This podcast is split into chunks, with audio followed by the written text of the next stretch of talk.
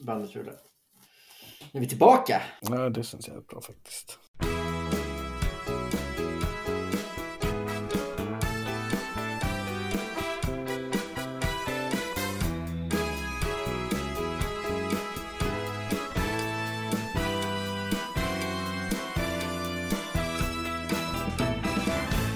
Hej och välkomna till podcasten Alla världens val med mig Björn Bensland Stintell och vi är tillbaks nu och det är dags för val i Nigeria och eh, kan vi säga direkt då Anders att vi har lite annat upplägg i år på den här podden, ni som fortfarande lyssnar.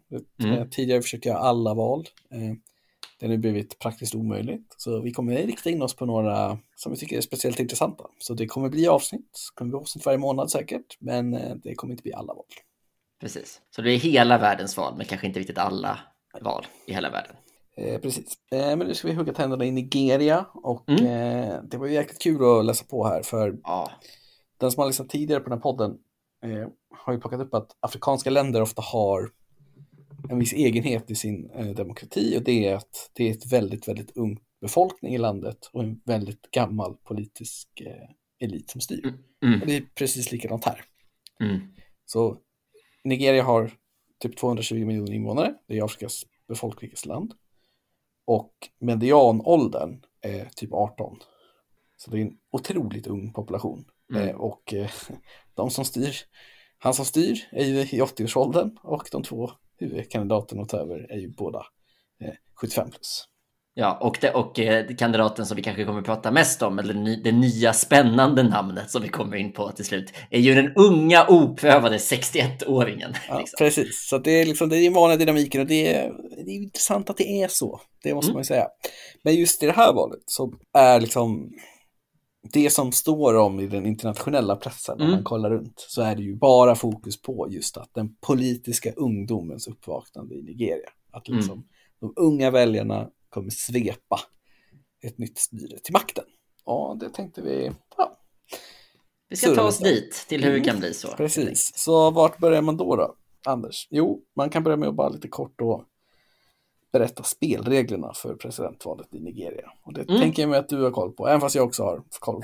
Så kan jag få, få äran att dra det politiska systemet. Det är ju inte bara presidentval här nu den 25, utan det är ju allmänna val också. De väljer ju även sitt parlament. Och vi kan väl komma in lite på den så här politiska historien sen, men sen 99 så har Nigeria haft det politiska system de har idag. Och sen 99 har man också haft någon typ av oavbruten valdemokrati, alltså att valen har liksom på något sätt förrättats eh, demokratiskt och eh, det är liksom genom de här valen som man har valt styre. Och det är liksom den längsta eh, perioden man har haft då sen, sen självständigheten 1960 som har varit. Och den, det, det politiska system man valde 99, det är i stort sett modellerat på USA. Så att man har ett, en väldigt, väldigt stark president som, har då, som väljs i fyra år i taget, max två gånger och som leder regeringen, men som också behöver förhålla sig till ett representanthus och en senat. Och, Och sen federala nej, delstater då. Ja, precis. Det är 36 delstater som också har då, som har ganska, ett ganska stort självstyre med egna guvernörer och sånt där. Ehm, och sen så har man inte valt exakt liksom, alltså det är inte så att det är modellerat på USA helt och hållet, så att alltså det är 109 senatorer, där tre kommer från var och en av de här delstaterna, de 36 delstaterna, och sen så en då från Abuja. Och Abuja är ju huvudstaden som ju också då, precis som i USA och Brasilien och lite några andra länder, ligger liksom i ett så litet neutralt område, så att Abuja tillhör liksom inte en delstat, utan är Ja, är som Washington DC. Liksom. Men presidenten då eh, väljs eh, med majoritet, eh, majoritet av folket, men eh, det finns en ganska speciell egenhet som kan komma, eh, som kommer spela roll i det här valet. Och det är att precis som i Kenya och i något annat land vi har varit inne i, så måste presidenten, för att vinna i första omgången, måste man dels få majoritet, men man måste också få över en fjärdedel av rösterna i minst en tredjedel av delstaterna. Uh, och det här är ju ett, ett sätt att komma åt att du måste ha, du kan inte vara jätte, jättestark i en del av landet, utan du, du, måste, du måste ha någon typ av eh, liksom spridning på Ja, vart, du, vart du är stark. Lagos är ju den näst största staden i Afrika, en av världens största städer. Mm. Området där nere bor det hur många som helst i. Är man bara stark där, eh, en av kandidaterna i det här valet har smeknamnet eh, Gudfadern av Lagos. Mm. Han behövde också liksom trilla in minst Ja. 25 procent uppe i de nordliga delarna där de istället är muslimer och eh, ja, skiter fullständigt i Lagos. Liksom. Ja, så, att, så att det här är lite intressant, men vi kan komma in lite på det sen. För vi, jag tror att en, en så här, det, det, den intressantaste dynamiken i, i Nigeria handlar just om de här, att det är så extremt eh, geografiskt och etniskt uppdelat eh, mellan, och det är verkligen en faktor i politiken. Och också som går igenom partierna. Ja, vad är det typ? 250 etniska grupper, 500 språk. Ja, och, och så. Och ja. vad heter det? Mm, och man kan väl säga också att, att eh, generellt så har Nigeria haft ett ganska liksom Eh, stadigt tvåpartisystem. Eh, även, och sen så som, som i många lite yngre demokratier så har ju inte de här partierna varit Alltså det har varit två partier men de har gjorts upp av lite koalitioner av mindre partier och sådär. Men man har i praktiken haft ett tvåpartisystem sedan 99. Man har haft och, två som har utmanat varandra i presidentvalet ja, i alla fall. Liksom. Är... Exakt, och det gör att man har haft liksom en, det har avgjorts ganska ofta i första omgången. Eh, men det finns väl en del som tyder på att det inte kommer göra det i det här valet. Så det, det, är spelreglerna och eh, om man ska säga någonting om hur demokratiskt det är så kan man väl säga att när man, om man läser liksom internationell press om Nigeria så pratar man ju ändå om valet som att ja, men, så som folket röstar, ungefär så kommer det bli. Och när EU, EUs delegation som var tittade eh, 2019, senaste valet, bedömde ändå att valet liksom funkade enligt konstens regler. Men man har också fått mycket internationell eh, kritik och Freedom House kallar Nigeria bara liksom partly free och man får bara 43 av 100 poäng där och så. Så det finns liksom stora utmaningar, men det är mer ett allmänt det är liksom allmänt våldsamt och slitet och splittrat snarare än att det finns en auktoritär stat som gör att valet inte är rättvist kan man säga. Så att man har en gång då, för åtta år sedan så, så bytte man till exempel styre mellan de två stora partierna. Men det betyder inte att, att liksom demokratin är, är utan. Man har gjort utmaning. grejer nu inför det här valet mm. för att få typ större tilltro till rösträkningsprocessen.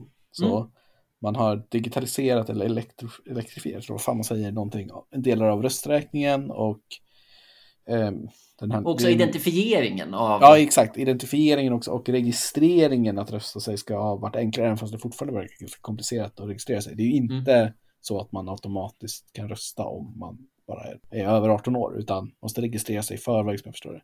Mm. Och där är det typ jättelånga köer och grejer och allt möjligt. Men då har gjort Tanken är att rösträkningen ska vara mer transparent, som mm. de också hade gjort i Kenya då, när vi var där. Mm. Liksom att det ska gå snabbare och vara tydligare och mindre enkelt att fuska när eh, rösterna räknas, vilket det tidigare då har varit problem eftersom det har varit handskrivna papperslappar. Liksom. Just det. Men, men för att summera så är det ett enmansvalkretssystem generellt som har dominerats av två stora partier och där liksom den stora debatten handlar om vem av de två stora partierna som ska få presidentposten, därför att det är en väldigt viktig president. Så det är, det är systemet eh, och det är de valen som förrättas här nu på lördag, va? den 25 februari.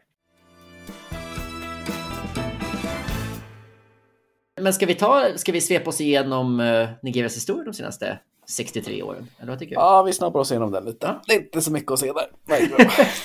jag fick bara säga att Nigeria som, som nästan alla länder såklart har en, liksom en historia som går väldigt långt tillbaka i tiden. Så man kan ju säga att den moderna historien som handlar om liksom kontakten med europeer på något mm. sätt har ju präglats väldigt mycket av slavhandel. Lagos och de här samstäderna är ju mer grundade av europeer eh, i att liksom utförspussen av slavar och andra delar av Nigeria då blev liksom eh, ja, stater eller områden som då liksom sysslade med slavhandel till de här europeiska eh, kuststäderna.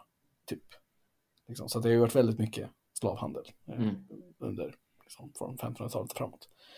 Eh, men brittisk koloni då och sen ja, 1960 självständigt och sen har det ju varit lite olika uppsättningar. Men har du något du vill Ja, men det som, är, det som är intressant är väl att liksom i många andra, eh, många andra liksom, eh, afrikanska länder som är självständiga den här tiden hade ju liksom någon typ av tydlig despot eller liksom någon typ av kamp mellan kanske så militären och en frihetsrörelse och så. Så har vi inte varit i Nigeria, utan man har ju snarare haft liksom väldigt, väldigt många olika typer av demokratiförsök och många olika typer av kupper mot det.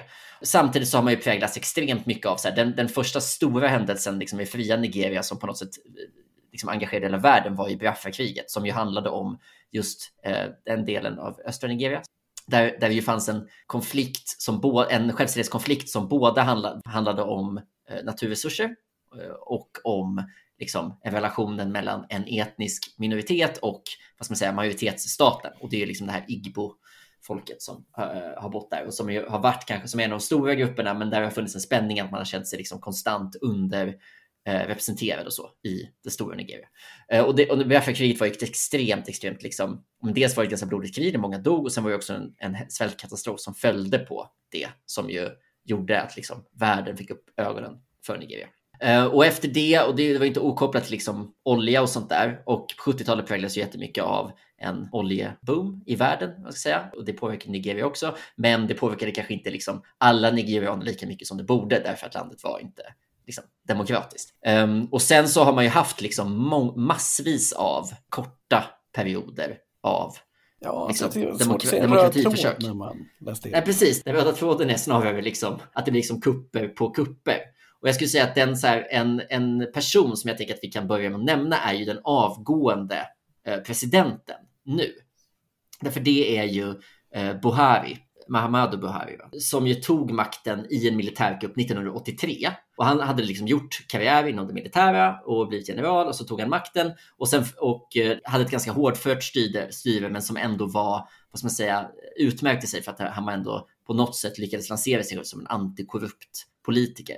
Så han störtade sen efter bara några år i en annan militärkupp och var sedan politisk fånge ytterligare en period innan han liksom frisläpptes, och slickade såren lite och sen gjorde liksom comeback mer renodlat som politiker. Ja, och torskade um, 2003, 2007, 2011. Ja, innan han då...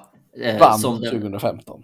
Ja, precis. Och när han vann över eh, presidenten med kanonnamnet Good Jonathan Eh, så var det då första, dels var han, var han den första någonsin som slog en president som liksom kandiderade för omval. Men han var också den första som, det var också första gången som Nigeria bytte styre på demokratisk och fredlig väg. Så att eh, Buhari är intressant på så vis att han, han rymmer liksom som sig själv en stor del av nigeriansk politik. Han har både varit med och liksom både vunnit och förlorat makten som militärledare och han har varit med och liksom förlorat och sen vunnit val som politisk ledare. Och han har själv beskrivit sig själv som en demokratisk konvertit. Liksom. Att han, han trodde inte först på demokrati, men sen har han gjort det. Eh, och nu ska han alltså, vilket man inte kan ta för givet i liksom, alla Nigerias grannländer till exempel, så ska han ju nu avgå efter två mandatperioder vid den liksom späda åldern av 80. Så han har ju en mandatperiod till i sig. Ja, ehm, minst. Ja, det har ju varit lite, man kan säga att hans presidentperiod har inte varit, ja, det har inte gått jättebra på alla fronter kanske liksom. Nej, och det framförallt så är det väl så att hans stora, eh, alltså eftersom han har en bakgrund i militära så har ju hans eh, rykte hängt mycket på hur det går i det säkerhetspolitiken. Och det är ju liksom eh, tufft för Nigeria med liksom eh, förfallt islamistisk, eh, islamistiska ja, alltså, i norr in, och, det... och en del så separatism i, i eh, syd. Ja, man kan inte säga att man kan inte säga att den federala staten har eh, kontroll över hela sitt territorium. Nej, precis. Det blev stora protester mot han 2000 också. Ja. I samband med liksom, eh, ja, covid och andra grejer som liksom förvärrade sociala. 2020 menar du? Ja, 2020 precis. Ja. Eh, och eh, stora liksom, eh, demonstrationer mot polisens övergrepp och grejer. Och mm. de demonstrationerna som var då ses lite som, som jag förstår det, som liksom ett steg ett på det som händer nu då, liksom att de unga demonstranterna fick ju igenom vissa saker då och nu är de sugna på en större del av kakan. Typ, liksom. mm, mm. Men om man avgår så fredligt och demokratiskt så har han ju, ja, då är det ju bra med nigerianska mått mätt. Ska vi ta oss in lite på de här partierna då? Ja, det kan vi göra.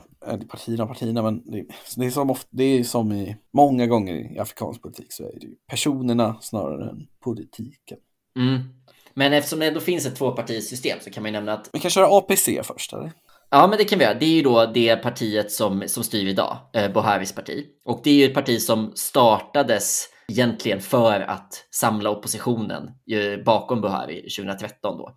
Eh, och APC står för All Progressives Congress. Jag tycker allt man läser, när man läser liksom mer liksom initierade bedömare än vad du och jag är, så pratar ju alla om att egentligen så är det inte så himla stor skillnad, utan det, det, man, de, de beskriver väl sig själva lite som ett, så här, ett centristiskt och en, ett lite så mitten, mitten vänster. På något sätt så har ändå APC försökt utmana det andra partiet då, lite, lite mer från vänster. Eh, och det här med, man kallar sig ändå progressives och sådär. Men det är egentligen två ganska centristiska partier. De har funnits då de senaste, sen eh, 2013 och, han, och liksom skapades som en koalition av flera partier bakom Buhari som då vann eh, 2015.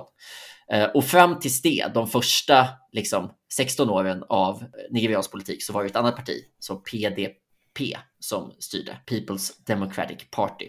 Eh, och de startades 1998 och var liksom verkligen då det statsbärande partiet de första fyra mandatperioderna. Det är då ännu mer ett, vad ska man säga, centristiskt big tent parti eh, som kanske inte har eh, haft en jättestark egen ideologi utan mer var liksom ett sätt att sköta transitionen till demokrati. Liksom. Så det har varit de två stora partierna. Och jag tänker att vi kanske ska gå in på personerna innan vi tar vilka som Ja, men ska vi börja med APC som vi pratade om, som då mm. eh, nominerar Bola Tinubu, som är mm. 70, som är tidigare guvernör i Lagos. Mm. Och eh, hans styre i Lagos är då eh, ökänt, eh, väldigt, eh, kallas av sina fiender för Lagos gudfader.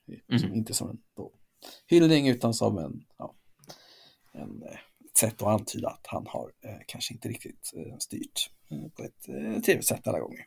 Ja, och han, eh, han kampanjar, alltså det har släppts en dokumentärfilm som blev jätteuppmärksammad för, för massa år sedan som handlade just om att han liksom använt sig av maffian eller av liksom kriminella grupper i Lagos för att få igenom sin vilja i vissa fall. Typ. Han, har, han har gått utanför lagen lite grann, för att få, det är det som är anklagelserna. Och han kampanjar under parollen Emi Lokan, eller jag, jag vet inte, kan inte betoningen här riktigt, som betyder det är min, det är min tur. det är, det är genialt alltså. Det är väldigt, det är någonting med att han, det är dags för honom att få köra liksom.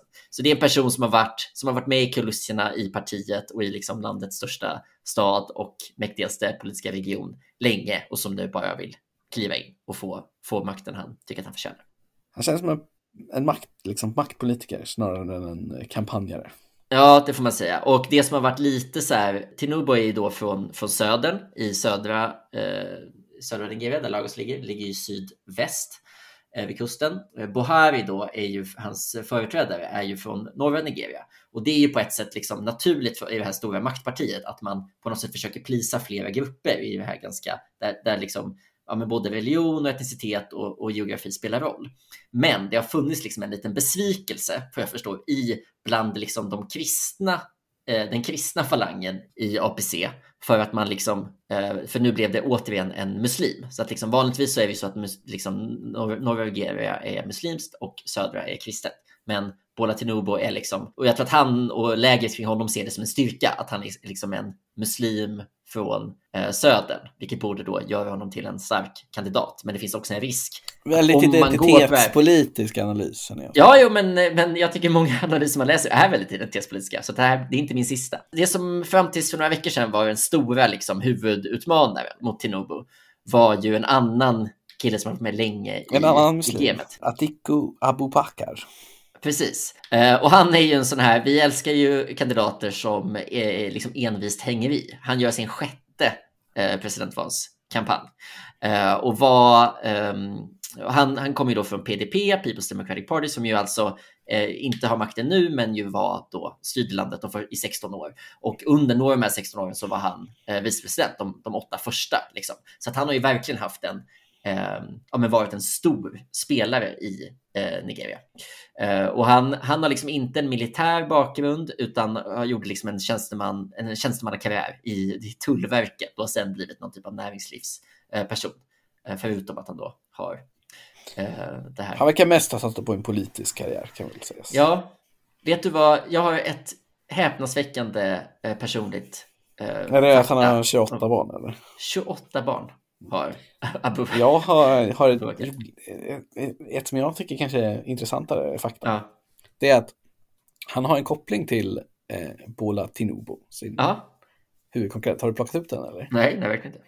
Det är att 2006, inför valet 2007, så hade Bola Tinubu då ett, ett parti som senare ingick i APC då, när det bildades mm. 2015. Då försökte han eh, värva in Abubakar som mm. eh, presidentkandidat för det partiet och han själv som vicepresident. Mm -hmm. Men Abubakar tackade nej till det och körde, körde solo då för att få PDP-nomineringen, eh, vilket han ju fick också. Mm. Eller kanske inte fick, men han har ju inte bytt president tidigare. Men Så han har liksom försökt, de har liksom försökt teama upp förut. Mm. Intressant. Och hade allt varit som vanligt i gröns politik så hade ju de här två då gjort upp om det. Men det gör de ju inte, för det finns en, eh, en man som heter Peter Åby. Och vad har vi då på Peter Åby? Det är, mm, Peter Åby är också faktiskt en person som har varit med mycket i politiken, men han är då den här 61-åriga unga spolingen som, som nu utmanar de andra två. Men han har varit med egentligen i, i, politiken sedan tidigt 2000-tal och varit med i fyra olika partier fram till så sent som för liksom när, alltså i, i eh, provvalet i PDP så var han med i PDP men förlorade mot väl bli kandidat, precis. Ja. ja.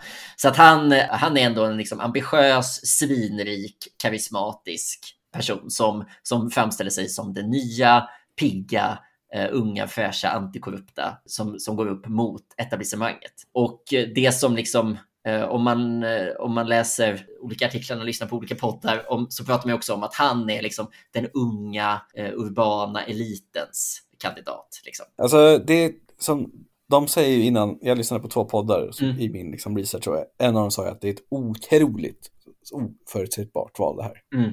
Alltså det, det, går inte att säga för vad som säger. Men det de också sa att i vissa mätningar så har ju då Peter Åby en ledning med 50 procent. Mm. Alltså han är mm. helt överlägsen. Och i vissa scenarion där det är typ så här ett lågt valdeltagande så får han stryk. Men när det är högt så vinner han stort. Mm. Och jag hittade en undersökning som gjordes, hade gjorts på landsbygden där han ledde stort och grejer. Så det, det verkar inte bara vara tugg från eh, New York Times som hittar en vinkel. Utan Nej. han verkar ju vara den genuint populäraste kandidaten så här på förhand.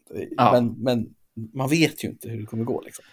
Och sen är det då, apropå liksom, identitetspolitiken, så är ju hans stora, hans stora aber är ju att eh, Åby är katolik. Han är liksom inte, han är inte muslim och han är dessutom från en ganska liten delstat i eh, sydöst. Det har ständigt funnits anklagelser att han liksom skulle vara affilierad med olika separatistiska grupper i, i sydöst och så. Det är ju där man har Eh, ja, det är där det har varit som mest konflikter tidigare och sådär.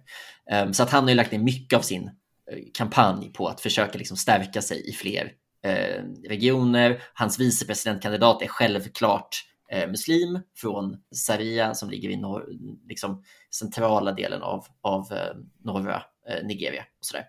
Yusuf Datti Baba Ahmed heter han. Så att eh, han har ju försökt sprida, sprida ut sig lite och sådär. Men eh, vad jag förstår så, men ja, det, det, är väldigt svårt som du säger, mätningen är svår att titta på. Men så kan det absolut vara så att Åby, han skulle kunna få 50 och vara ett sådant fall där man faller på det här med att ha eh, 25 i 25 procent i 28 eh, delstater. Ja, precis, men då blir det ju en andra omgång som man kommer svepa.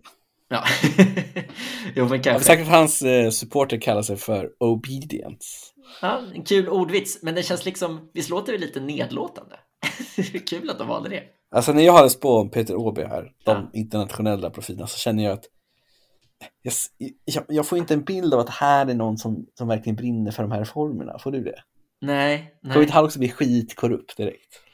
Alltså jag vet precis, han är ju, han är ju inte mm, han, eh, det tycker jag är intressant. Det här är, ett, det är tre ganska så tydliga karaktärer på något sätt. Men man får inte en så stark politisk bild av någon av dem när man liksom läser om dem. Uh, och det skulle jag också säga är, liksom, om, man, om man nu ska referera till, till andra lite vagt igen, så tycker jag också att det är så det beskrivs. Det är tre, det här är tre, Peter Robbes parti är ju, heter ju Labour Party, men det är ju inte som att det är ett parti som står långt till vänster om de använder så, utan alla är liksom Eh, det är ganska centristiska, man står upp för någon typ av öppen ekonomi, ändå någon typ av välfärdsstat, någon typ av kontroll liksom, av ekonomin eh, ändå. Och sådär. Så att eh, nej, här känns ju inte som att det finns ett, en liksom, tydlig, helt egen ideologisk edge, utan det är ju snarare som att den här 61-åringen som har varit aktiv i politiken i över 20 år, att han är liksom, det är hans ungdom och pigghet och outsiderskap som är det stora caset. Liksom. Eh, för honom, snarare än helt nya idéer. Den, eh, en av poddarna som jag lyssnade på, var ju, där var det ju liksom en äldre, han var professor liksom i någonting med Afrikastudier, han mm. var från liksom, och han suckade ju lite och sa, jo jo, men ni måste ju förstå att det här narrativet av en ung väljarkår som vill ha förändring mm. finns i alla afrikanska länder. Och mm. jag kan inte ge ett enda exempel, sa han, när de har uppnått någonting. det jag var lite så här, han sa kanske Tunisien och sen gick han vidare.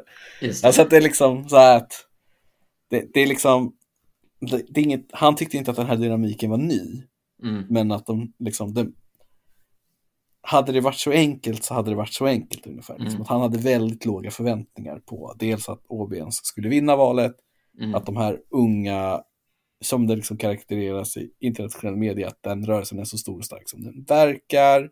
Och att även om de skulle vinna så skulle det typ inte bli några förändringar. Och Mm. man kan säga att de här unga väljarna, det är ju 50 procent alltså arbetslöshet för unga personer som jag förstår det. Mm. Och tänk då att, som jag sa först, typ att medianåldern är 18, så Nigerias befolkning eh, projiceras att dubblas på 30 år. Mm. Så om 50 procent är arbetslösa nu, ja, och 50 procent också är arbetslösa då, men befolkningen är dubbel. Alltså det är liksom, Mm. det är ett enormt problem. Och mycket handlar ju om korruption och så vidare. Det är ju otroligt liksom svåra frågor att komma åt. Jag menar, det är väldigt många ambitiösa, högutbildade, duktiga personer, men systemet bara funkar inte. Och de har ju en Mm. väldigt stor utvandring som en konsekvens av det också. Ja, det är väldigt, det är ju de här, det är ganska så här, det är ju, det är ju stora, eh, vad ska man säga, makroekonomiska frågor som, som man har pratat, som vi har pratat mycket om i den här, i den här podden som påverkar valet. Det är liksom, ja men det är utvandringen och arbetslösheten, det är inflationen. Jag hörde nu att, alltså förra året hade man liksom prisökningar på typ 20 procent på flera, flera varor. Det är, Nigeria är ett- en av få afrikanska länder som trycker sin egen valuta. Ja, precis. De håller på och byter ut den valutan nu, mitt under valet också. Jättekonstigt. För att få en valuta som är, mindre, eh, som är svårare att förfalska sedlarna på. ja, Ja, det är ju... Ja. Precis, och, eh, och sen så är vi också med liksom, ja men att man är, det är ju fortfarande en väldigt, väldigt oljeberoende ekonomi också. också 80 procent av exporten är olja Mm. och eh, det görs bara genom ett stort statligt företag som givetvis är otroligt korruptionsanklagat. Mm. Jag gick igenom en undersökning som bara riktade sig till typ, eh, som är ett fin, som, en, som bara riktade sig åt eh, urban vote, eller rural vo- voters, så liksom Mm. utanför storstäderna. Då hade de den här frågan om, typ 75% tyckte att landet utvecklas åt fel håll. De största frågorna var trygghetsfrågor, 33%, sen korruption, sen jobb och ekonomi. Liksom. Så att tryggheten har vi inte snackat så mycket om, men vi har ju bara nämnt Boko Haram och de här kidnappningarna av unga kvinnor. Och, alltså, men det är ju liksom, det är en annan stor artikel i New York Times om ett ganska spektakulärt tågrån som var förra året. Det liksom, Mm. ja, så att det är ju liksom, den frågan hänger ju där. Och det är ju Ja. den som sittande president då kanske bedöms ha misslyckats lite med. Liksom. Ja, precis. Eh, Och kopplat till det, kopplat till säkerhetsfrågan så är det en sak som, som bedöms drabba eh, Bola Tinobus kampanj är, är att det har varit en så stor, det är någon slags stor korruptionsskandal inom det militära just nu som håller på att liksom nystlas upp, nästlas upp liksom. Och det slår så hårt mot liksom, sitt sittande styret att det även det kan drabba eh, Tinobus kampanj en del. Så att liksom en gissning skulle kunna vara att han är kanske den som, som drabbas hårt. Alltså han är ju på något sätt, även om han inte styr idag så kommer han ju, blir ju han som får ta smällen av ja, det nuvarande, de, de nuvarande misslyckandena. Liksom. Ja, nej men hur tror du det går Anders? Ah, så det tror på en andra runda. Ja, jag tror på en andra runda. Jag, jag tror på en, på en andra runda mellan OB och Abubakar då. Mm. Ja, men det, det är fegis bättre. Är det det? Vad, vad, vad, vad säger du? Jag tror OB i första rundan. Du tror han tar den direkt? Ja. Ja. Det vore något. Ja, nej, vi får se, det blir spännande. Eh, vi kommer komma tillbaka snart igen. Då är det val i Estland och det Mm. blir ju spännande. Anders kan ju mycket om det, så det, det får ni se fram emot. Då har det börjat spänna fast sig. Vi hörs då. då.